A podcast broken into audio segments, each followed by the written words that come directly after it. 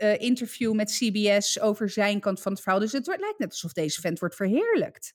Ja, en als je daar het hebt over... echt zo kwaad over.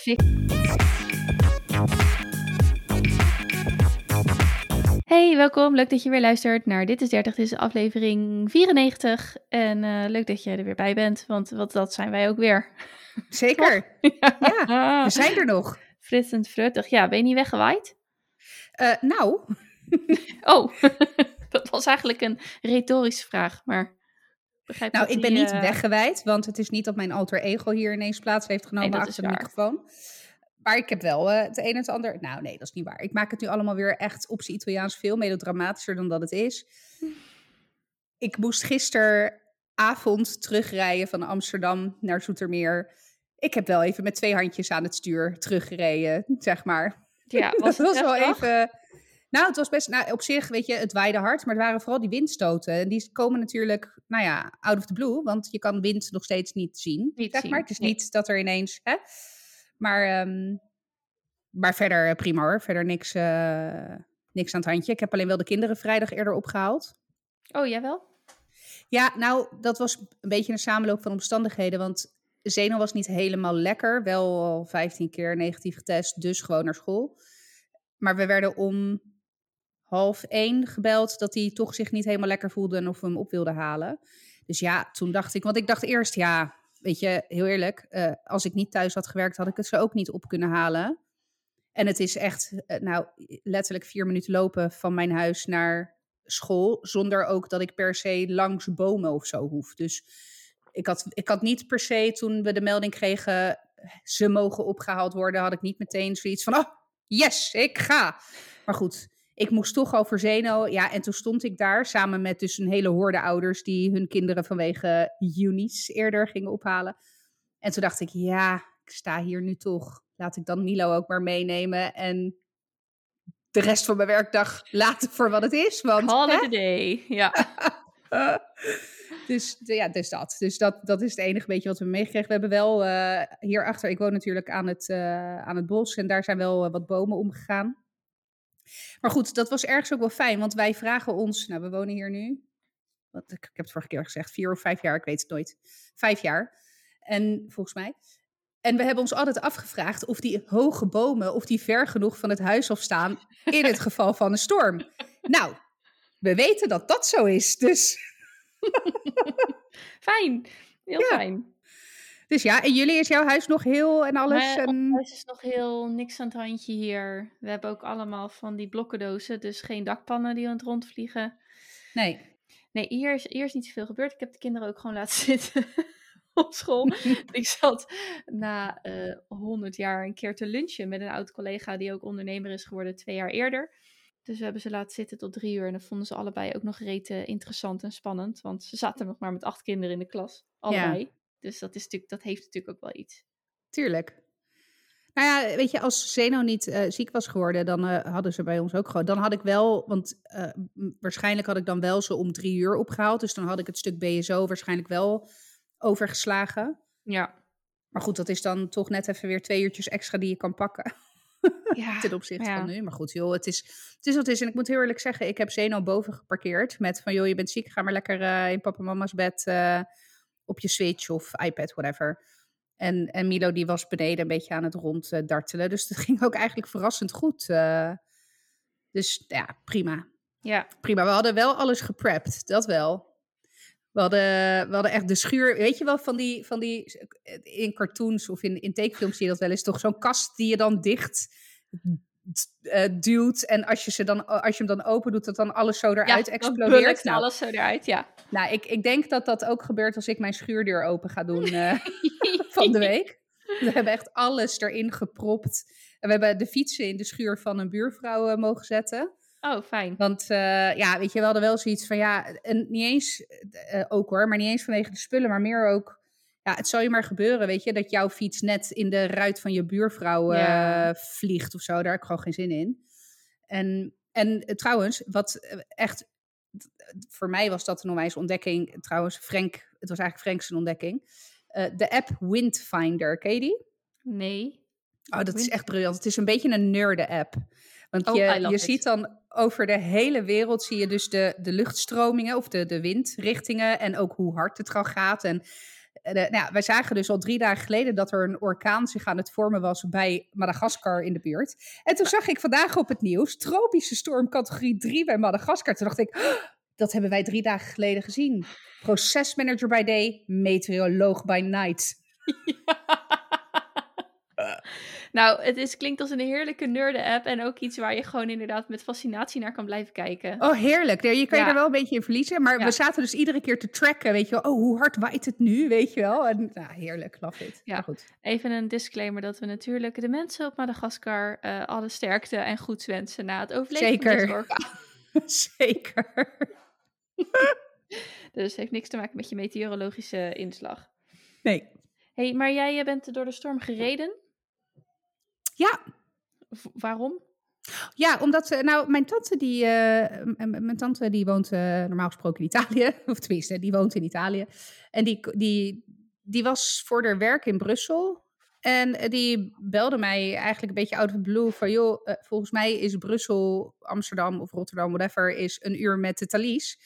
Wat dacht je ervan? En toen dacht ik, nou, dat ik er 2,5 jaar niet had gezien en de kinderen nog langer, dacht ik, nou, dat vind ik wel een goed idee. Dus, maar goed, dat was nog wel even een dingetje. Want zij ging.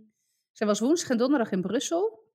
En zij zou eigenlijk vrijdag naar Amsterdam komen. En haar beste vriendin woont in Amsterdam. Dus dan zou ze vrijdag daar zijn. En ik moest ook gewoon werken. Maar ja, eh, alles lag, lag natuurlijk plat vanwege Jonies. Dus zij is toen donderdag al gegaan. Eh, en toen heeft ze, ze zou dan zaterdagochtend hier naartoe komen. Maar ja, zaterdagochtend reed er niks. Nee, nee. En, en haar vriendin woont echt hartje Amsterdam. Echt grachten, ha- hartje, hartje Amsterdam. Dus nou ja, uiteindelijk hebben we er dus opgehaald. Maar ja, dan is ineens met de auto naar Amsterdam. En dan niet Amsterdam als in hè, buitenwijk, maar hartje centrum. Zij woont echt, ik denk, de straat achter het Anne Frankhuis. Eh, ja, dat was ook wel even dat ik dacht, oh my god. Ik heb dat ook altijd als ik in Den Haag rijd, weet je. Dan fietsers, voetgangers, alles van alle Ja, kanten. ja. Maar trams. Even Ja, serieus. trams. Ik, ja, ik, heb, ik heb echt geleerd over trams en wat daarvan de regels zijn. Maar ik heb er nooit mee te maken. En dan rij je in Den Haag na. Dan word ik echt, ik word gewoon bang van trams. En laatst was ik, eh, stak ik een vrij groot kruispunt over. Vanuit Wateringen richting Rijswijk. Nou, daar reed ook een tram. Ik was groen. Dus ik ging rijden. En toen kwam er wel een tram aan. En toen werd er ook naar me getuterd. En ik denk echt, ik, ik doe vast iets verkeerd. Maar ik heb geen idee wat. Als je Nee, nooit zoveel met trams te maken hebt, dan is het levensgevaarlijk. Want ze, ze hebben volgens mij altijd voorrang. Maar is dat ook zo als ik groen heb? Nou, in mijn definitie, eh, tram 30 meter, mijn auto 2 meter. Go your gang, vriend. Ik Maar weet je- voor ja, je. Maar weet je wat het Maar ook dat is? is niet zo makkelijk, want je hebt ook weggedeeltes in Den Haag waarin je nou ja, op de trambaan eigenlijk een soort van Ja. rijdt. Ja, Ja, en, en dan denk ik, en ehm, waar ik vooral last van heb, ik ben gewoon niet iemand met 100% overzicht. Heb ik gewoon niet. Echt, to be honest, ik ben echt geen gevaar op de weg. Maar ik mis gewoon wel echt wel delen van een periferische view. Ehm, dus dan moet ik al zo'n kruispunt oversteken, gaat prima. Zo'n trambaan is vaak de bocht om. Ja. Dus ze komen nog van over je schouder of vanuit een soort van onverwachte tegengestelde hoek. Eh, dat ik het gewoon niet goed zie. Want ik ben ook aan het opletten of ik geen fietser aanrij of een, een opa op een scootmobiel of die achterlijke flinke medewerkers die tegenwoordig over de weg heen schieten. Nee, sorry, het zijn geen achterlijke medewerkers, maar het is, ik schrik Ze daar hebben gewoon af en van. toe een iets wat eh, agressieve fietsstijl. Ja, of zo'n picknickbusje wat sowieso Ja. al bijna opstijgt als het een beetje waait. Eh, eh, die 50 rijdt voor je in plaats van waar je 70 mag. Nou, anyway, ik ben al zo aan het opletten. Ik zie het gewoon niet. Eh, ik, vind, ik, vind het, ik vind dat echt eh, niet, niet leuk met trams rijden. Nee. Nou ja, ik, ik, in Den Haag heb ik er wat minder moeite mee. Maar dat komt ook omdat ik in Den Haag heb gewoond. Dus ik ken daar redelijk goed de, de weg, zeg maar. En ik weet wel waar ik op moet letten. Maar eh, Amsterdam eh, eh, ben ik überhaupt... Ik denk dat ik vijf keer mijn leven in Amsterdam ben geweest. En ik, ik kom daar echt nooit. En, en al helemaal niet met de auto. Dus het was ook, we zaten in de auto en de kinderen achterin waren een beetje ruzie aan het maken. En we reden echt het centrum. Ik zeg, oké jongens, nu even allemaal stil. Mama moet zich concentreren. en dan was het, mama, nee, niet nu. Oh, echt. Ja, ik kan me heel goed voorstellen. Maar het was wel gezellig en toen moest je er uiteindelijk nog terugbrengen. Ja, dus ik... Franklin heen. Pre- door, precies, door Storm Franklin heen, inderdaad. En eh, het was nog even spannend, want eh, ze vloog, weet ik veel, acht uur of zo. Eh, dus het was nog even de vraag of haar vliegtuig zou Ja. gaan. Want er was een heleboel, heleboel vluchten waren gecanceld. dus ja, dat was nog even spannend. Maar goed, ze is uiteindelijk, ze is uiteindelijk vertrokken naar Milaan. Maar ja, toen moest ik dus inderdaad nog terug. En dat, eh, nou ja, dat was wel even. Het was sowieso al donker en nou ja, regen. En ja, dan ook nog ineens een windvlaag. eh. maar ik moet wel zeggen dat iedereen die reed ook wel echt. Je merkte, weet je, eh, nou ja, waar je 100 mag, reed iedereen zeg maar 90. En er waren niet van die idioten die dan ook nog eens 150 er doorheen wilden jassen. Dus je merkte ook echt van iedereen dat ze hadden. Oh, wacht even. Ja, het geeft ook een soort van saamhorigheidsgevoel. Ja, nou ja, precies. Net dus, als je eh, door de sneeuw moet rijden. Ja, Oké, maar goed. Ik, was, eh, ik ben veilig thuisgekomen, dus, eh, ja. dus dat. Ik wil je even iets voorleggen. En dat is best Oeh. wel... Ja, we gaan heel even, heel even de diepte in, maar ik probeer hem gelijk eh, goed te introduceren. Het gaat over Leeuw Kleine Oeh, ja. en eh, zijn mishandelingszaak, zeg maar. ja, Of eh, met, eh, met zijn vriendin Jamie Vaas. Jamie. Vaas, Ja, Jamie ja. Vaas, ja. De- Er is al genoeg gezegd en geschreven. Ehm, maar ik had een heel interessant gesprek met Josh hierover. Eh is ook nog niet afgerond. We zijn nog niet echt tot een conclusie gekomen. Maar het ging erover dat ik dus... ik stond van ja... Hoe kan je nu nog zeg maar naar deze gast zijn muziek luisteren? Moeten we, moet, kun je nog steeds met droge ogen gezellig zijn cd's uitbrengen? Is dat eh, iets met zijn maatschappij of waar die dan bij hoort? Of zijn label? Hebben die dan niet... Moeten die niet in ieder geval een reactie, ehm, een reactie brengen? Ehm, want dus ik zat redelijk hoog in mijn emotie daarover. En ik had zoiets van, ik wil dat gewoon nooit meer luisteren, bij van spreken. Maar toen zei hij, hij had wel een interessante invalshoek. Want hij zei, kun je de mens, Jorik Scholten, zeg maar, en zijn zwakheden of kansloosheden loszien van, zijn, van de kunstenaar, zeg maar. En het, muziek is een kunst. Wat je van zijn muziek vindt, is even niet ter zake doend. Maar hij maakt iets, hij creëert iets. En zou het een schilder zijn? Zou je hem dan los kunnen zien? Zou je de mens los kunnen zien van de artiest of de kunstenaar?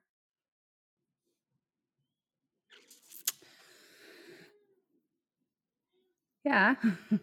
Ja, nou ja, dat is op zich wel een goede vraag. Alleen, wat, hoe zit dat? Het eerste wat in mij oppopt, is hoe zit dat dan met eh, Marco Borsato en Ali B? En nou ja, al die andere artiesten die zeg maar van een voetstuk af zijn gevallen eh, vanwege in hun geval seksueel overschrijdend gedrag. Nou, eh, het probleem is natuurlijk dat er een financiële prikkel vastzit aan, dat, aan die kunst. Dus ja, eh, eh, lastig. ja het is, het, ik, ik moest er ook aan denken. Misschien was hij het ook wel, sorry als ik nu iemands naam, naam door het slijk haal. Maar stel dat Pablo Picasso.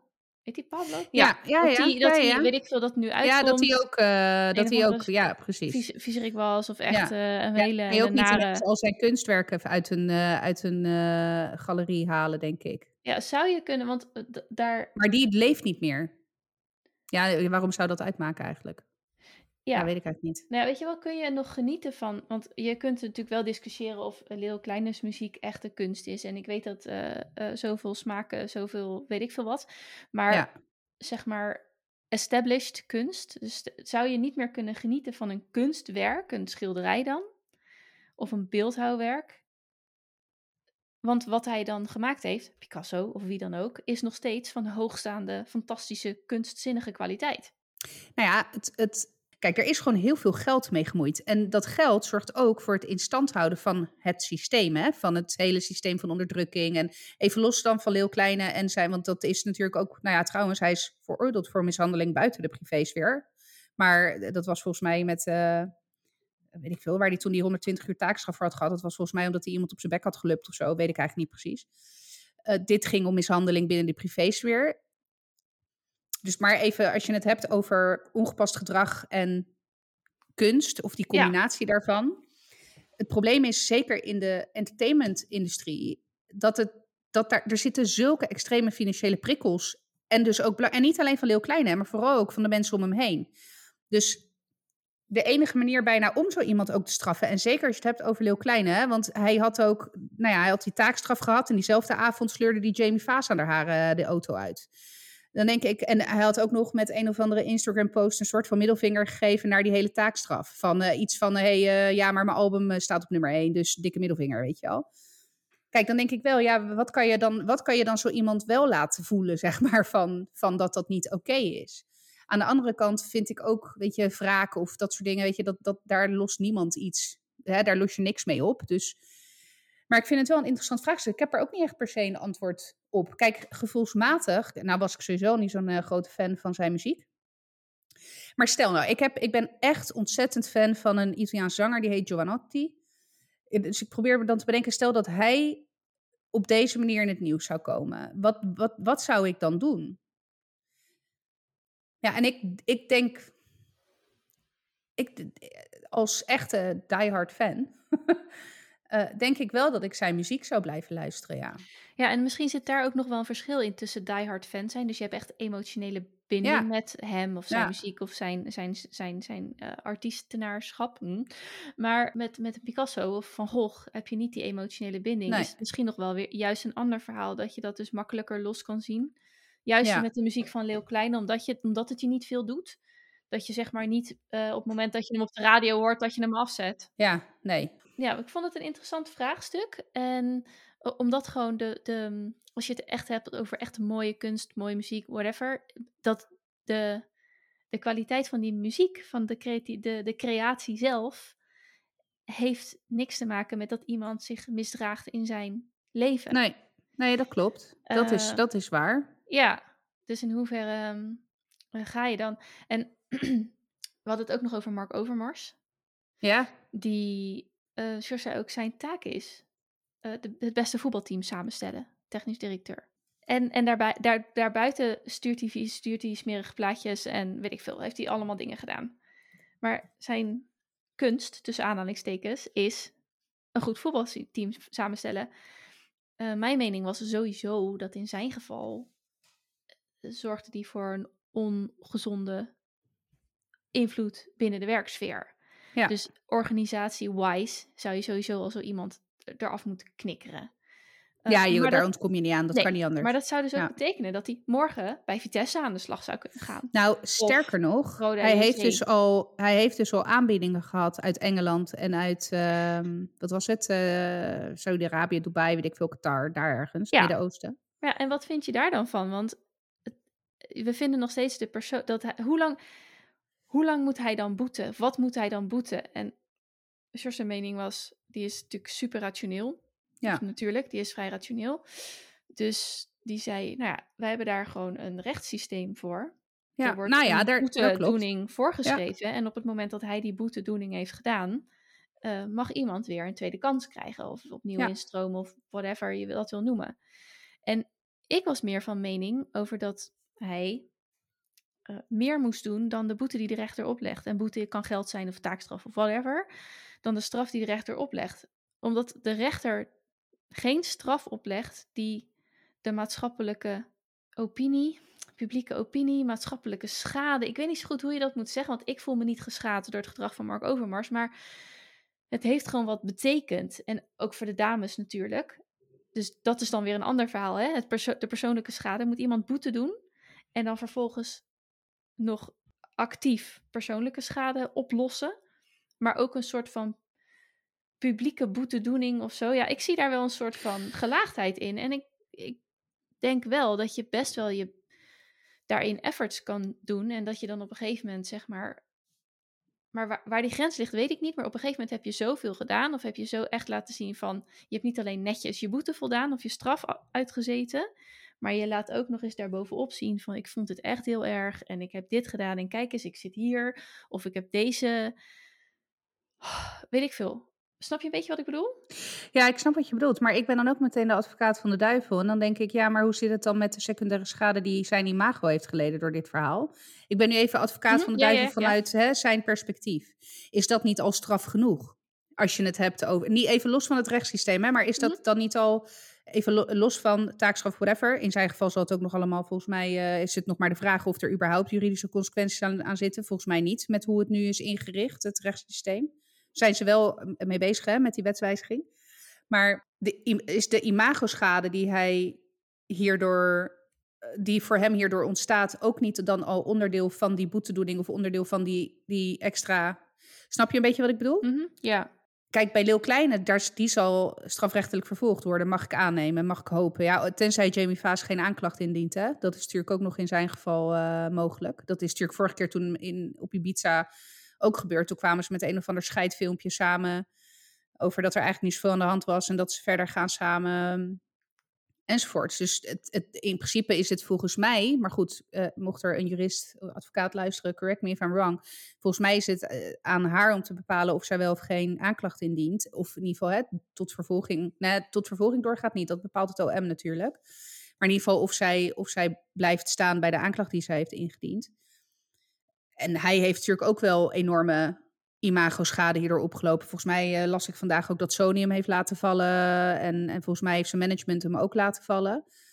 Maar als je het dan hebt over boetedoening en, en straf, is dat niet ook. Dat is overigens vaak ook onderdeel van het strafproces. Een rechter neemt dat vaak mee in een beoordeling voor een strafmaat meestal. Dus niet van wel of niet schuldig, maar wel, eh, volgens mij wordt er wel rekening mee gehouden in de strafmaat die dan wordt opgelegd.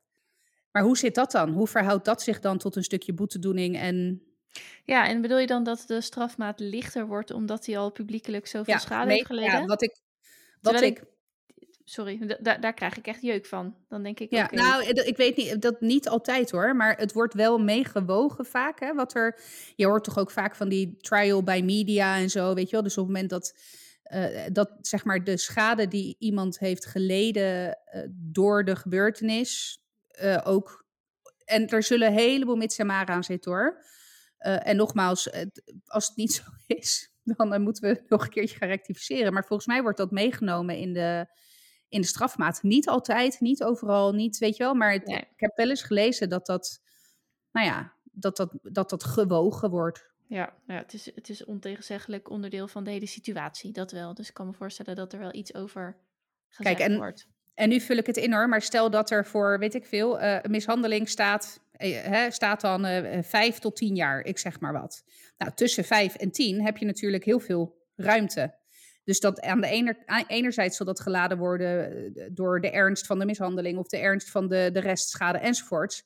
Dus dan zal het de weegschaal de ene kant een beetje op, op tippen. En ja, daar zal ook dan dus in meegenomen worden hoeveel schade er al geleden is door de verdachte. Misschien hoor. Dat, ik kan me voorstellen Ja. dat dat wel werkt. Maar goed, ik, eh, Ja. ik heb geen idee. Ik ga, ik ga het eens uitzoeken. Ik vind het eigenlijk best interessant. ja, nou ja, ik, ehm, ik had nog een derde voorbeeld. En dat ging over dat van de week in de auto werd R. Kelly aangevraagd. En toen zette ik naar een ander radiostation.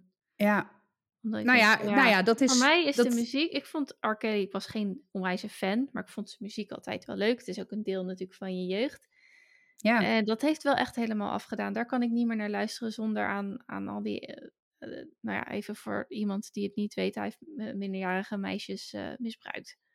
En, maar jongens ook volgens mij, toch? Oh, oké. Hij kust alleen de meisjes, maar hij was natuurlijk getrouwd met Alia, die 15 was. Ja, die was 15. ja. Talk about machtsmisbruik. En hij liet ook echt de Ja. meiden naar hem toe. Bonjour. Nou, whatever. Echt smerig. Mm, Ja, nou ja, de grap is dat ik, ik zet nog wel eens Ignition aan van, eh van R. Kelly. het, is, het, het blijft. Het is zo lekker nummer. ja.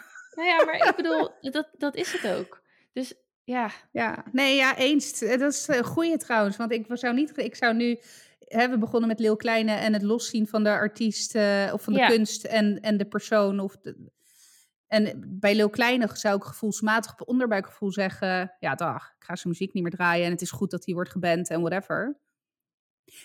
Nou, ik, trouwens, wat daar misschien nog wel een verschil in is, is eh, op het moment, kijk, R. Kelly, eh, dat je het niet er is verschil tussen zelf actief muziek opzoeken, denk ik, en het muziek aanbieden via radio, tv, of hè, dat je het brengt bij mensen.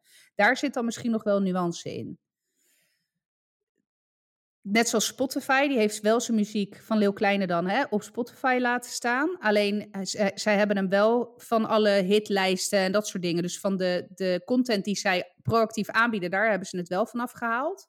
Daar hebben ze hem een soort van geschrapt. Ja, van Maar de als ik- top 50 van 2020. of precies. zo, Ja, ja. Maar op het moment dat ik, eh, weet ik veel, Leeuw Kleine, hoe heet dat, kansloos nummer, drank en drugs eh, Ja. opzoek, dan, Dan kan je eh, dat gewoon nog vinden. kan ik dat gewoon nog vinden en afspelen, ja. Ja. Nee, en het, het laatste wat we daar nog... We zijn, nogmaals, we zijn ook niet verder uit het gesprek echt tot een conclusie gekomen hoor. Maar het was gewoon een leuk gesprek. Dat, we, ehm, dat ik vroeg, hoe zou je... ehm, eh, eh, zou het anders voor je zijn als je er persoonlijk... Als het je persoonlijk raakt? Dus eh, als Ja. een familielid van je raakt. Of als Mark Overmars Tuurlijk. een dik- naar mij Tuurlijk. heeft gestuurd. Weet je wel? Zo. Tuurlijk, dat is meteen, dat, nee, uh, uh, is- uh, ik, honderdduizend procent, Ja, honderdduizend procent. Als, als dit iemand aanging die ik kende, of die, en al helemaal die mij dierbaar was, dan had dan gestrekt been all the way. ja. Ja, nee, Ja. absoluut. Dus dan, dan En dat is ergens ook-. Ja, nee, ja, ja, dat denk ik wel. Ja, Ja. Dus nou, interessante overpeinzingen. ja nou, maar ik vind het wel een interessante, interessante discussie. Want ik snap ook wel, eh, ik snap echt ook heel goed waar George vandaan komt in deze. Mhm, Ja. Ja. Want we hebben een rechtssysteem wat is ingericht. En daar kan je wat van vinden, maar het is wat we hebben, punt. Ja. Nou ja, Oh wel. ik ga het eens aan Frank vragen straks wat hij ervan vindt. Ja, ik ben ben- benieuwd. Benieuwd. Ik wou de brug maken. Ik denk dat we het toch over irritante kleine mannetjes hebben. Pau pauperkabouters. Doe Heb jij- tel. Heb jij eh, de Tinder Swindler gezien of heb je daar iets over gehoord? Ik heb er iets over gehoord, maar het komt ook, want eh, ik heb er iets over gehoord. Hij werd ergens aangeraden. Netflix? Vast? Nee, ja, want toen ging ik dus van de week eh, de documentaire van... Ik was weer een keer eh, op tv aan het kijken. En toen ging ik de documentaire van Tony Robbins, heb ik gekeken. Oh, Ja. Eh, en toen kwam die dus als top 1 eh meest... ge- meest bekeken of zo, whatever. Ja. Ja, precies. Hij stond in het, in het was meest bekeken in Nederland. En toen dacht ik wel, oh, interessant. Maar ik was al van plan om die van Tony Robbins te kijken. Dus, maar vertel, jij hebt hem wel gezien. Irritant klein mannetje? Ja, oké. Nee, dit is wel... Oké, de, de docu is eh, overigens gemaakt door dezelfde mensen als Don't Fuck With Cats. Echt, nou ja, een briljante, echt een briljante docu-serie. Ja, er komen nog wel, want dat is een heel verhaal apart. In echt een nutshell, Don't Fuck With Cats is, begint met een mishandelingsfilmpje van een kat op internet. Daar duikt ongeveer het hele internet op en uiteindelijk komen ze tot een moord, zeg maar. Nou ja, de- het is echt mindblown, ja. Anyway, terug naar de Tinder Swindler. Dit, het gaat dus over, en ik, ik heb even geschreven. eh, het gaat over Simon Lev- Levive, of Leviv, L-E-V-I-E-V. Mhm. Eh, en dat is een eh, jonge man, Israëlische man van, nou ja, toen het speelde eind 20. Eh, die zat op Tinder. En ehm, nou ja, ik weet nooit of je welke kant je nou moet opswipen. Maar goed, anyway, hij swipte, vrouwen swipten en er ontstond een match. Zoals Tinder werkt, ja. En eh, het begint met een interview met een Cecile, of Ceci- Cecilie, Cecile noem ik haar maar even, eh, uit Finland. Eh, prachtige dame, die, waarmee hij dus heeft gematcht op Tinder. Nou, ze vertelt over haar eerste date met hem. En dat was Wacht meteen... wacht nou, Finland, Israël. ja, Finland, Israël. Zij woonde overigens op dat moment in Londen, denk ik. Mhm, mhm. Maar goed, anyway, zij is van Finse afkomst, eh, woonde in Londen. Ja, ze woonde in Londen. Ik neem aan dat hij ook op dat moment in Londen was. Maar goed, dat is een beetje het verhaal, ja. want hij zat overal en nergens. Dus, eh, maar goed, anyway, zij eh matchen, ze gaan op date. Eerste date, vijf sterren hotel, caviar. Uiteindelijk zelfs met een privéjet naar, weet ik veel waar ze naartoe gingen, weet ik niet meer. Maar echt, zeg maar, het geld klotste tegen de, de, de plinten, zeg maar. Het was echt, nou ja. Hij, het, zijn verhaal was ook dat hij de zoon was van een eh, diamantenhandelaar. De familie eh Levive. Dat schijnt ook een echte diamantenfamilie, zeg maar, te zijn. Nou, en de, hè, de een en al liefde en die, die, die meid eh, helemaal verliefd, hotel de botel. eh, dus hè, match made in heaven, fantastische kerel. eh Jolila Dile, we gaan trouwen en we krijgen kindjes. Oh, wauw. Oké, ja. Ja, nou en op een gegeven moment ehm, begint hij een beetje gekkig te doen. En met een beetje gekkig bedoel ik dat hij, eh, hij geeft aan dat hij vijanden heeft en dat hij niet veilig is. En het schijnt dat dat heel geraffineerd ging. Nou, puntje bij paaltje eh, vraagt hij op een gegeven moment eh, zijn eh, partner op dat moment dus geld om hem uit de brand te helpen, want zijn creditcards zijn geblokkeerd. Oh ja, en of je even op jouw naam wat creditcards wil aan, hè, aanvragen, want als ik het doe is het gevaarlijk, want mijn vijanden zitten achter me aan. Nou, je voelt wel een beetje waar dit naartoe gaat. Ehm, lang verhaal kort. Hij heeft dus die meid gewoon enorm opgelicht. Wauw. Maar goed, dat is nog niet, dat is nog niet het hele verhaal. Want toen kwam ineens een, een andere prachtige dame, Pernilla, aan bod. Met een heel vergelijkbaar verhaal. Zij, moet ik wel zeggen dat zij niet. ehm, zij hebben geen romantische relatie gehad, maar wel een, een, een intense vriendschap. Volgens mij zonder seksuele en trouwens, hey, eh, I don't care. Ja, precies. Eh, maar goed, zij heeft dus een hele zomer een beetje met hem doorgebracht in Monaco, Saint-Tropez, weet ik veel. wat was het? Een of ander Grieks eh, eiland waar alle sterren naartoe gaan. En, dus die heeft, dat, die heeft dat een zomer, zeg maar, een beetje zijdelings met hem gevolgd. En inderdaad ook prachtige jachten, Lamborghinis, we- weet ik veel wat voor, wat voor rijkdom allemaal. Toen kwam ehm, eh, een derde dame aan boord, Eileen. Nou, Uit die had hem Amsterdam. door. Die had hem vast door. Nou, de grap is. eh Eileen uit Amsterdam, overigens niet eh Eileen als in lange ei en dan, hè, maar eh A-Y. Eileen, oké, ja. Maar goed, die, het, precies hetzelfde verhaal. geld tegen de klots, klotsen tegen de plinten, super romantische dates, crème de la crème. Ehm, nou, en uiteindelijk, eh, het, is het, het balletje gaan rollen met die Cecile. Want die kwam er dus achter dat, dat zij, nou, eh, weet je, hij had steeds minder contact. Dus kreeg haar geld niet terug. Nou, ze had tonnen aan schuld inmiddels opgebouwd. Eh, zij heeft toen contact met de politie opgenomen. nou ja, en die, die deden niet heel veel voor haar. En uiteindelijk is zij terechtgekomen bij een krant, eh, een Noorse krant. Eh, want dat is uiteindelijk, het is allemaal begonnen met een Noors artikel die de Tinder Swindler dus heette.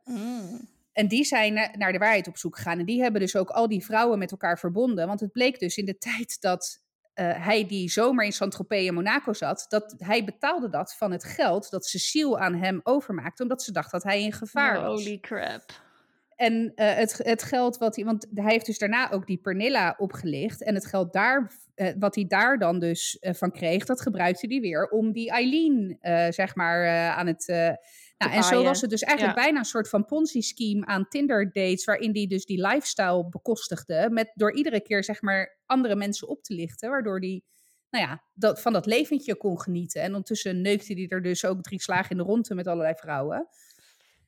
Ehm, dus eh, uiteindelijk, nou ja, Eileen, daar eindigde ook een soort van de documentaire mee. Want zij heeft dan, eh, zij, zij kwam in contact met eh, die andere dames. En zij zit in de mode-industrie. En die Simon, die kleedde zich altijd echt, nou ja, topnotch. Dus zij wist dat, in ieder geval, kijk, ze had wel zoiets van: ik ga nooit meer al mijn geld terugkrijgen. Maar wat jij kan, kan ik beter. Dus zij had gezegd tegen hem van, joh, weet je, ik kan nu geen extra geld meer lenen of zoiets. Eh, ik kom naar je toe en dan zal ik ervoor zorgen dat een deel van je kleding verkocht wordt, zodat je in ieder geval daar weer je wat inkomsten uit, eh, uit kan eh, halen. Dus ze is daar naartoe gegaan. Ik weet, ik weet niet meer waar precies. Ja, ze heeft dus, ik geloof, vijf koffers met al zijn kleding heeft ze mee teruggenomen. En daarna een dikke middelvinger gegeven. En zij is dat gaan verkopen. Zij heeft nog best een lang aan het lijntje gehouden. Want hij, zat, hij bleef onwijs pushen van, heb je wat verkocht? Ik heb geld nodig, heb je wat verkocht? Dus zij een beetje van vaag van, nee, het gaat niet zo goed en het is moeilijk en huh. Nou, uiteindelijk heeft ze, heeft ze dus, eh, is, ze is nog steeds zijn spullen aan het verkopen. Echt go, go, good, good for you, eh, meid.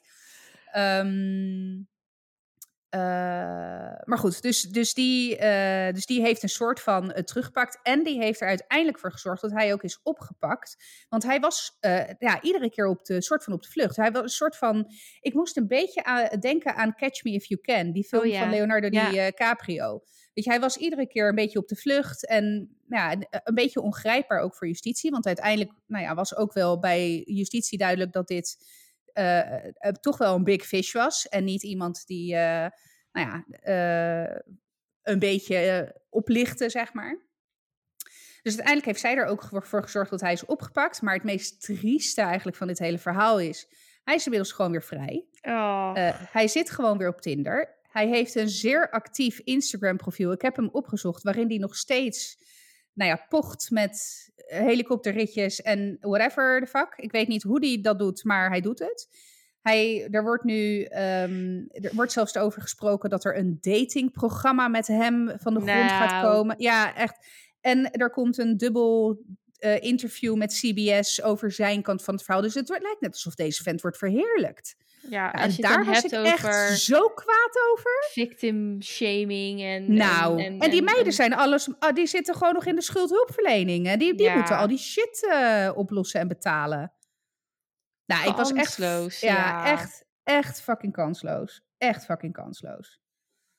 Dus nou ja, ik, ehm, ik was echt flabbergasted. Zijn echte naam overigens was uiteindelijk Shimon Hayut. Oké. Shimon Hayut. Ik krijg het bijna. Ja. Ja, dus eh, nee, echt. eh, het, is wel, het is op zich wel echt een, een prima docu hoor. Ik bedoel, eh, ik heb ervan genoten. Maar dat einde was echt heel, heel onbevredigend. Zuur, ja, inderdaad. Ja, echt heel onbevredigend. Oké.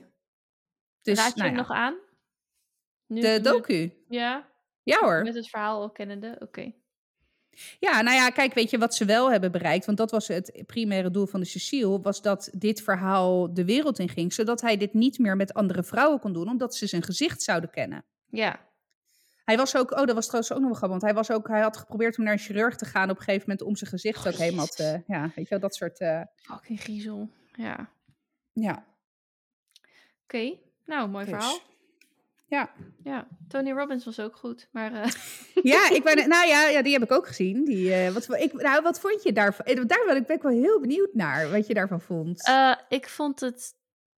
Ik had hem... ehm, ik vond hem altijd een schreeuwerige Amerikaan. En ik heb Nou, nu wel ja, jij veel, hebt- meer, kom, veel meer...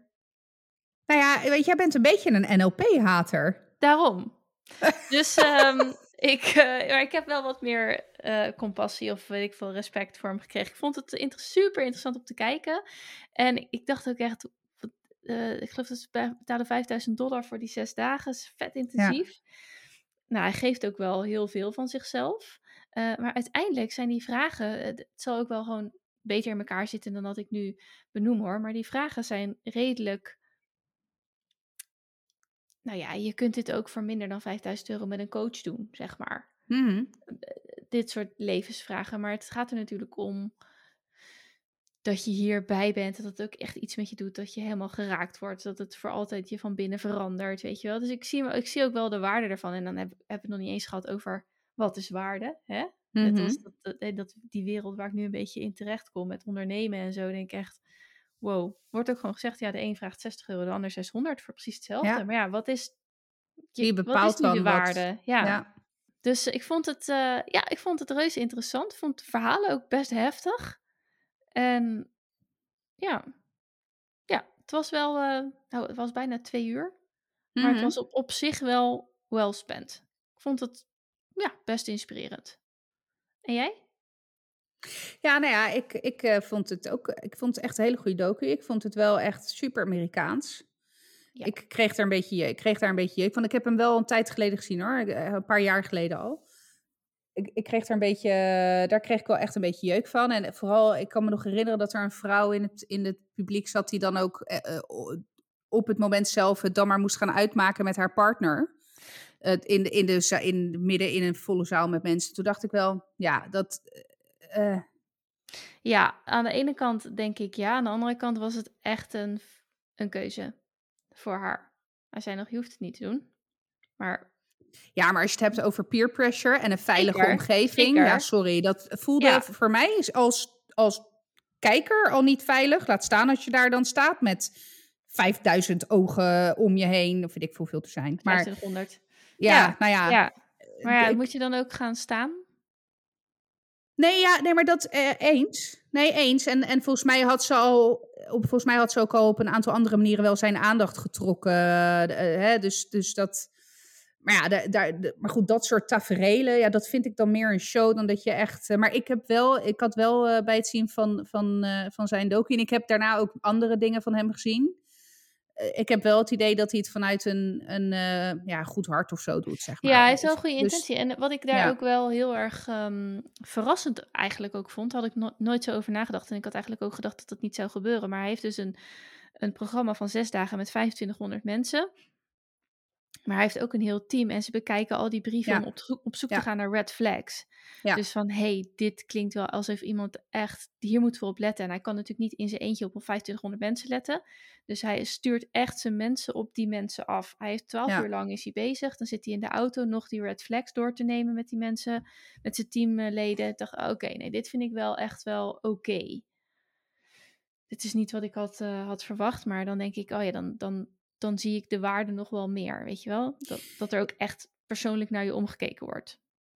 Is jouw eh, NLP-jeukometer nu ook wat minder eh, uitgeslagen dan dat het was? Want dan, hij is natuurlijk volledig eh, NLP gebaseerd. Of tenminste, ja, dat is wel echt de basis van zijn coachingspraktijken, Ja, nee, zeg maar. ik,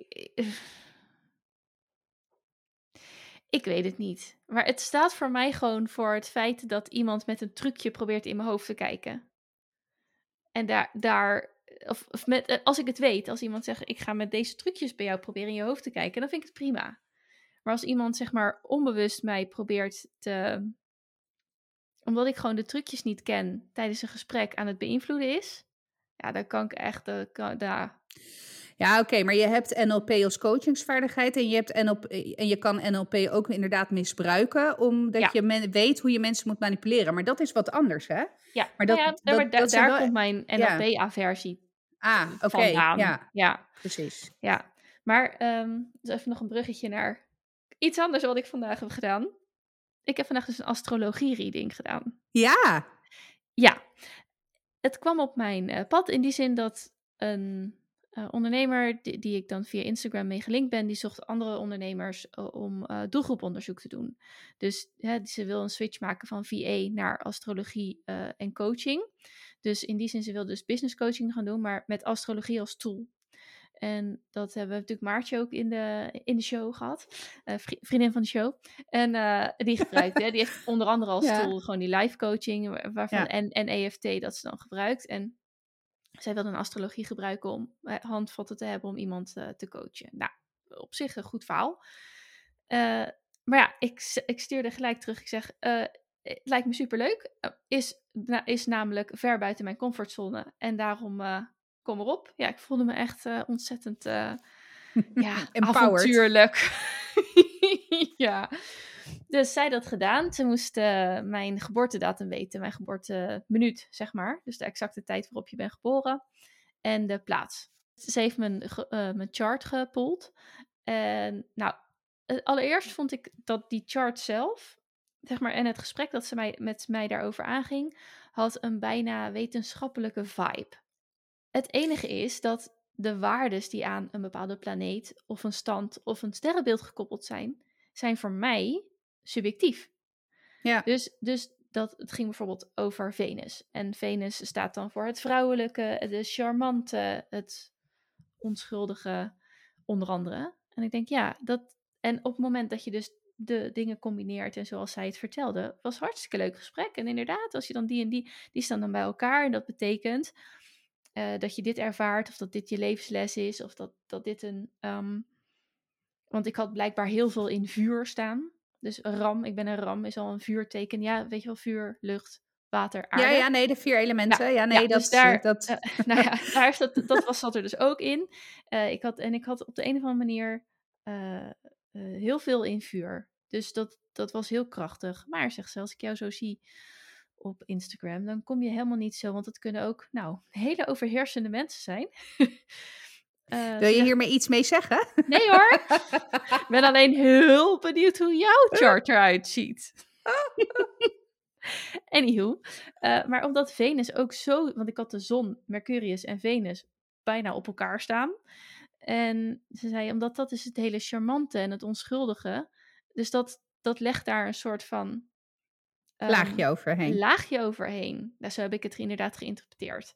Ik, oh, nou ja, dat, Maar even, heel kan. even, even heel even terug naar de basis, zodat ik begrijp. Want je, je zegt, zij poelt dan een chart. Ja. En, en als je, aangezien je het hebt over de stand van planeten, sterren, weet ik het. Zij, zij, zij haalt dan terug hoe de... Eigenlijk hoe de, de, de hemel eruit zag, zeg maar, qua standen, qua sterren, planeten op het moment dat jij geboren werd. Want daarom is het ook belangrijk dat je weet hoe laat je geboren bent. Ja. Oké. Ja, oké, ik ben dus er het weer. Is een soort, het is een soort uh, taartpunt. Maar is het dan een soort van sterrenkaart of zo? Nee, nee het is een soort taartpunt, uh, verdeeld in twaalf stukken. Uh, die staan ook voor de twaalf sterrenbeelden. Maar dat zeggen ze, dat heten dan huizen. Dus, en, en de sterrenbeelden zelf staan daar dan in een ring buiten. Maar die staan dan weer op andere plekken. Dus I'm not really sure. Dus mijn dingetje was wel ram. Maar de maan stond in het huis van weet ik niet meer. Oké, dus er zijn dan ook bepaalde hemellichamen die dan een bepaalde waarde hebben? Ja, ja de maan Dus hè, het maakt even heel gechargeerd, ja. het maakt wel uit waar de maan staat, maar het maakt niet uit waar planeet Orion, die bestaat waarschijnlijk niet, maar waar, snap je wat ja, ik bedoel? Nee, het dat... gaat om de planeten in ons zonnestelsel. De zon en de maan. Oké, ja. Ja, dus, uh, en dan betekent dus, uh, dus bij mij stond uh, ja, ach, ik kan het natuurlijk niet meer goed herhalen. Maar Uranus stond niet per se bij mijn RAM-dingetje, maar dat stond in een ander huis. Uh, is het heel erg dat ik altijd moet lachen als ik Uranus, Uranus hoor? Ja, nou, dat werd hier thuis ook al. Ik zeg ja, mijn anus stond in het huis van ABC. Ik weet het niet meer. Anubis, oh nee. Boogschutter of zo. nee, en Uranus is heel erg van... Um, jij vertelt mij niet wat... als je zegt dat iets ja, zo moet... Dat. Ja, als ja, je zegt sorry. dat het zo moet, ja. dan is het antwoord per definitie al nee. En daarna mag je me gaan proberen te overtuigen. Dus, en houdt ook heel erg van technologie. Dus ja, maar toen dacht ik, oh, nou, dat oh, ben ja. ik wel. Ja. ja. En ik had dan heel veel in vuur, maar vissen, nee, de maan, dat staat voor mijn emoties, stond dan bij mij weer bij vissen, wat per definitie een heel erg waterteken is.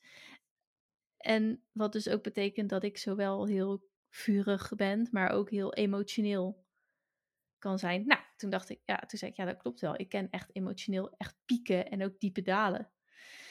Um, wat ze wel zei, is dat iets erop wees dat ik uh, ontzettend van genoot om onder de mensen te zijn.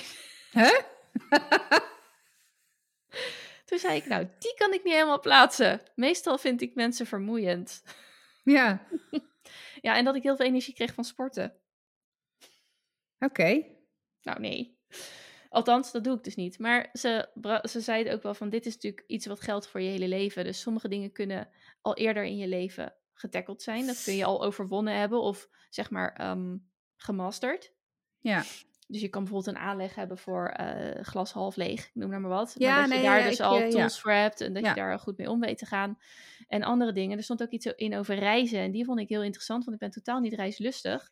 Maar ik kan mezelf echt verliezen in Google Maps. En dan ga ik inzoomen op eilandjes in de oceaan. En dan kijk ik naar een baai. En je had het laatst over die baai waar je dan heen zwom. Uh, Ja. nou, toen heb ik echt, geloof ik, al drie kwartier lang die hele kust gewoon bekeken. en dan, oh, ja. Dus dan denk ik, ja. En als je het hebt over verhalen. Ik, elk verhaal van over de hele wereld vind ik boeiend, interessant, raakt me. Dus ik, in die zin snap ik het reizen wel. En tot nu toe in mijn leven heeft reizen ook nog nooit echt een plek gehad. Nee. Ik wilde gewoon mijn school afmaken. Ik wilde kinderen krijgen en een gezin stichten. Dat is hetzelfde.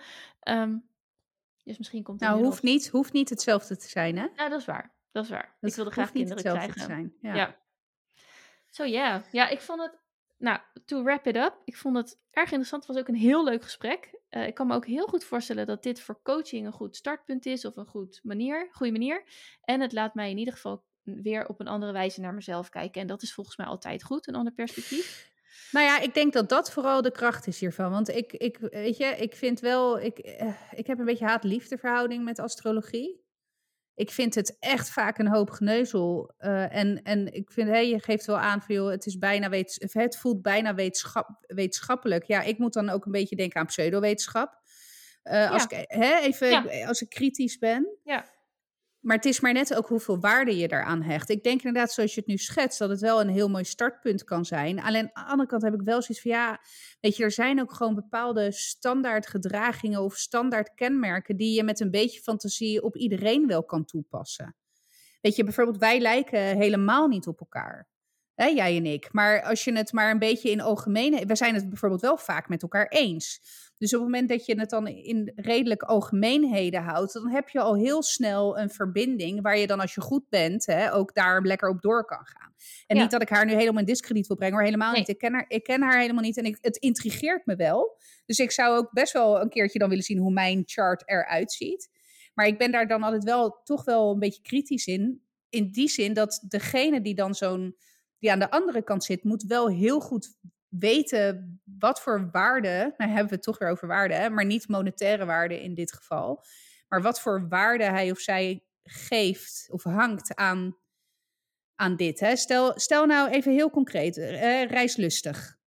Ja. je, stel nou dat iemand die daar gevoelig voor is hiervoor, hè, die ook misschien wat jonger is of wat minder stevig in de schoenen staat, die denkt meteen: ik moet mijn hele leven omgooien, want uh, Mars staat in uh, kwadrant 16a en uh, ik moet morgen vliegen. Ik chargeer echt enorm, hè? Ja, maar ja, ik moet morgen een open ticket boeken en de, de rest van mijn leven achter me laten. Snap je wat ik bedoel? Dus ik denk dat het wel. En ik ga er ook vanuit dat zij dat begeleidt. Want je geeft ook aan, hè, zij, zij gebruikt dit als onderligger voor een coaching traject. Ja. En ik denk dat dat, dat dat echt wel mooi is. Want je gaat ineens wel op een, wat je zelf aangeeft, op een hele andere manier naar jezelf kijken. Of in ieder geval vanuit een ander perspectief. Waardoor je, ben ik van overtuigd, echt wel dingen van jezelf ontdekt.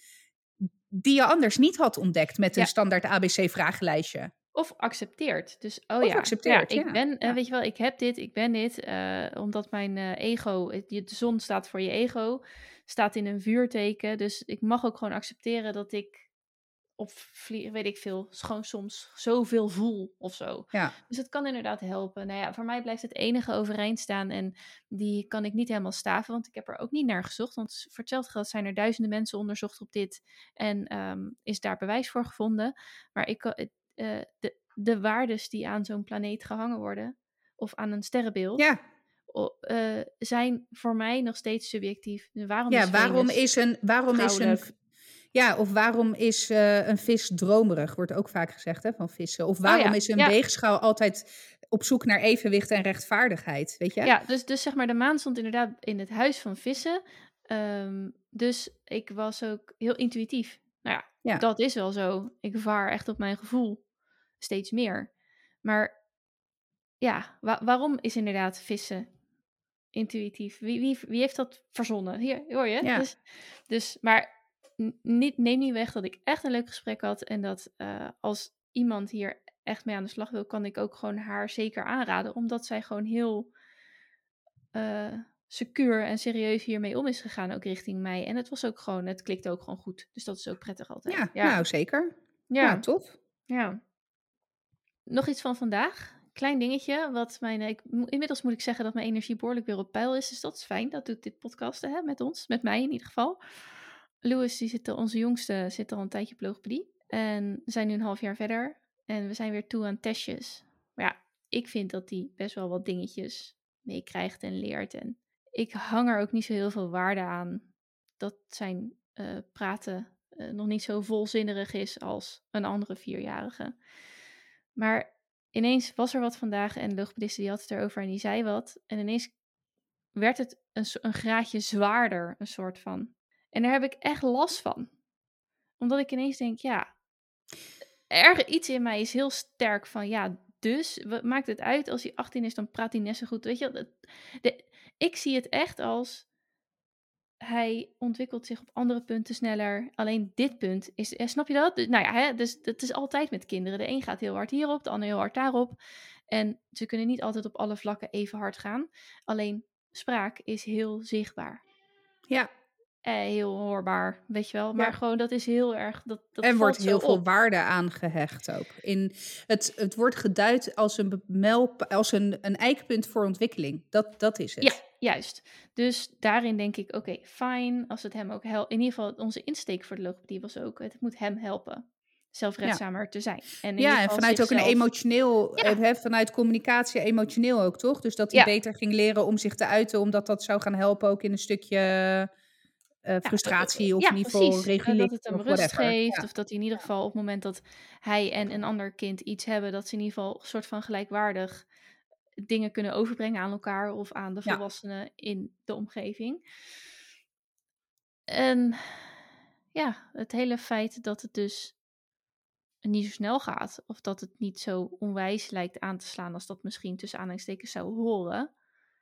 Ehm, ja, dat zou horen, krijg ik al een beetje. ja, ja, en ik zij snap is het, heel, hè, want je, ja, moet het, je moet het ergens ergens kwantificeren Ja. of ergens plotten, maar ja. Maar het, weet je wel, het feit dat ik zijn naam schrijf en hij dat bijna foutloos natekent.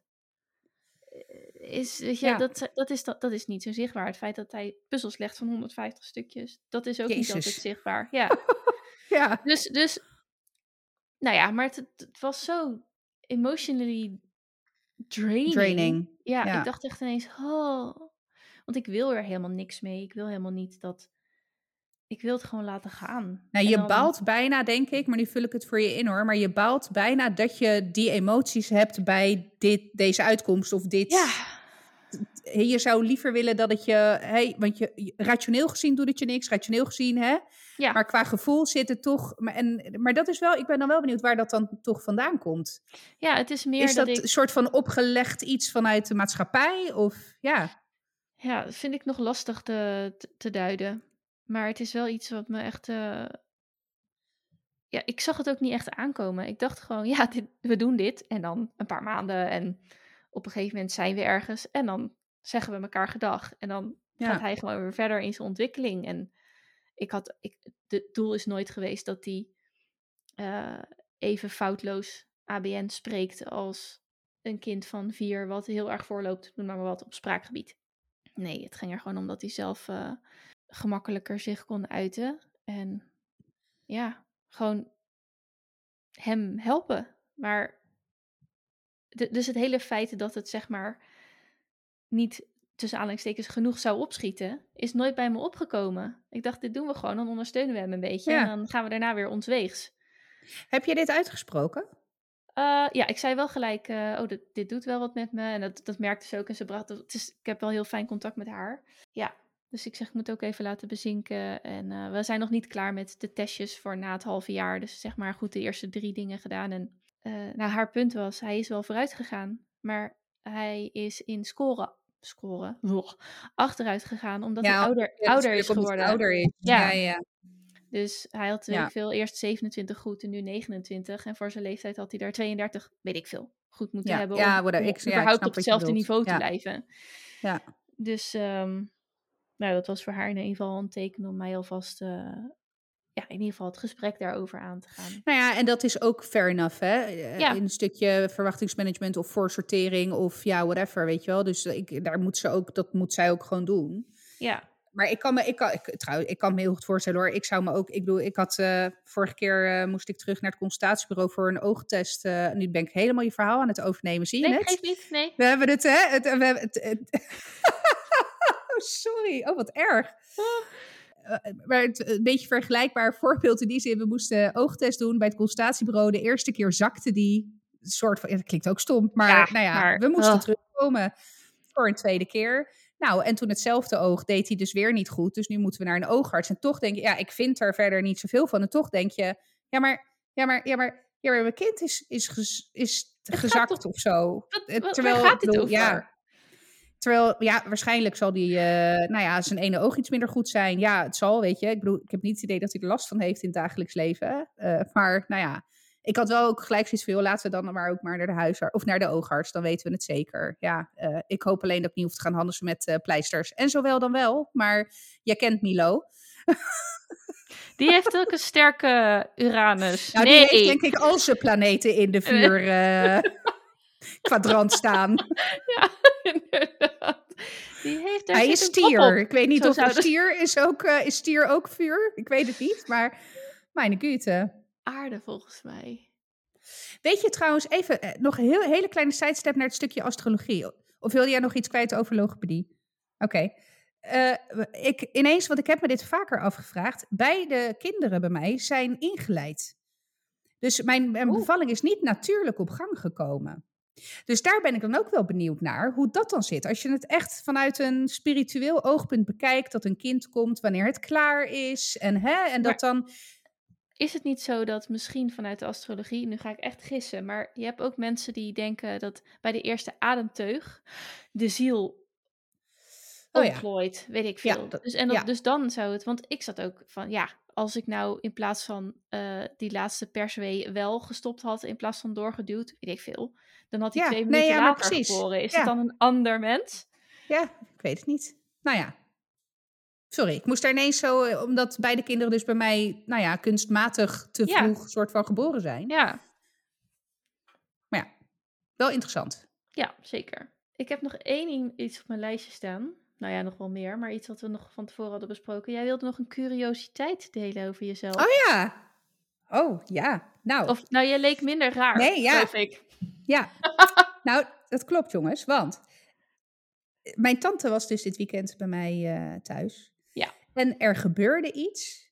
En ik zat letterlijk juichend ernaast. Ik tikte Frank aan en zei: Zie je wel, ik ben niet zo gek als dat iedereen denkt en zegt. Mag ik een En gokje toen, doen? Ja, nou, ik ben benieuwd. Wat is jouw gok? Rook ze aan een boek?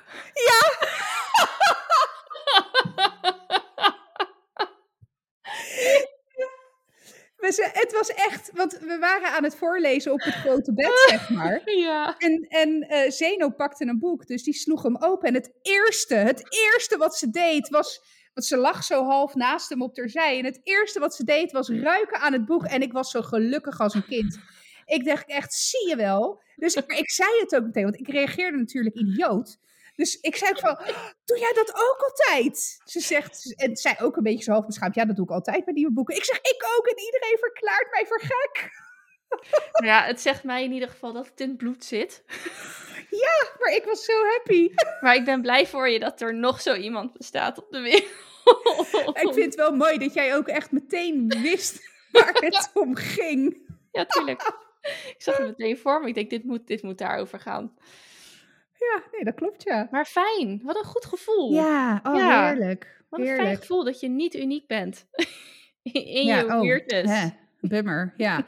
ik ben graag uniek. Nee, maar het was echt... Maar het, ik- blijkbaar zit het dan toch diep, hè?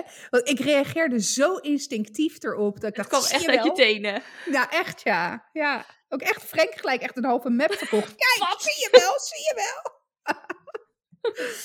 dus ja, Nou, goed. dus Wil dat was mijn curiositeit, ja. Nou, tof. Mooi verhaal. Wil je nog iets Ja. kwijt? Of, eh, Nou, nee, ik vind dit wel een, eh, ik vind dit wel, eh, wel een aardige uitsmijter dat ik niet zo gek ben als iedereen denkt. Ja, vind ik helemaal, ben ik het helemaal mee eens.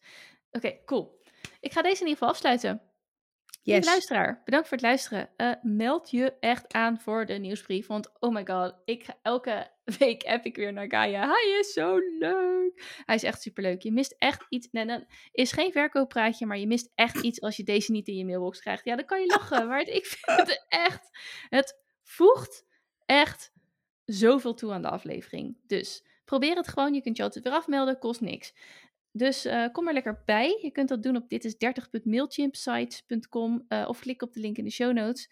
Ehm, kom er gewoon gezellig bij. Dan krijg je elke week naar aanleiding van de afle- aflevering eh, een nieuwsbrief in je mailbox met de show notes uitge uitge uitge uitgebreid met linkjes, foto's en grappige stukjes. En ook eh, de Gaia, Gaia eh, wat was het ook weer? De Gaia Blunder rubriek. Gaia inmiddels, want, Blunder eh, van de week. Ja, ik vraag me af of we in deze aflevering Nou, Gaia ja, Blunder ik ben vinden. benieuwd. Want ik heb ze nog niet weten te ontdekken. Maar ach ja, misschien is de rubriek dan een weekje met vakantie. Dus meld je lekker aan voor de nieuwsbrief.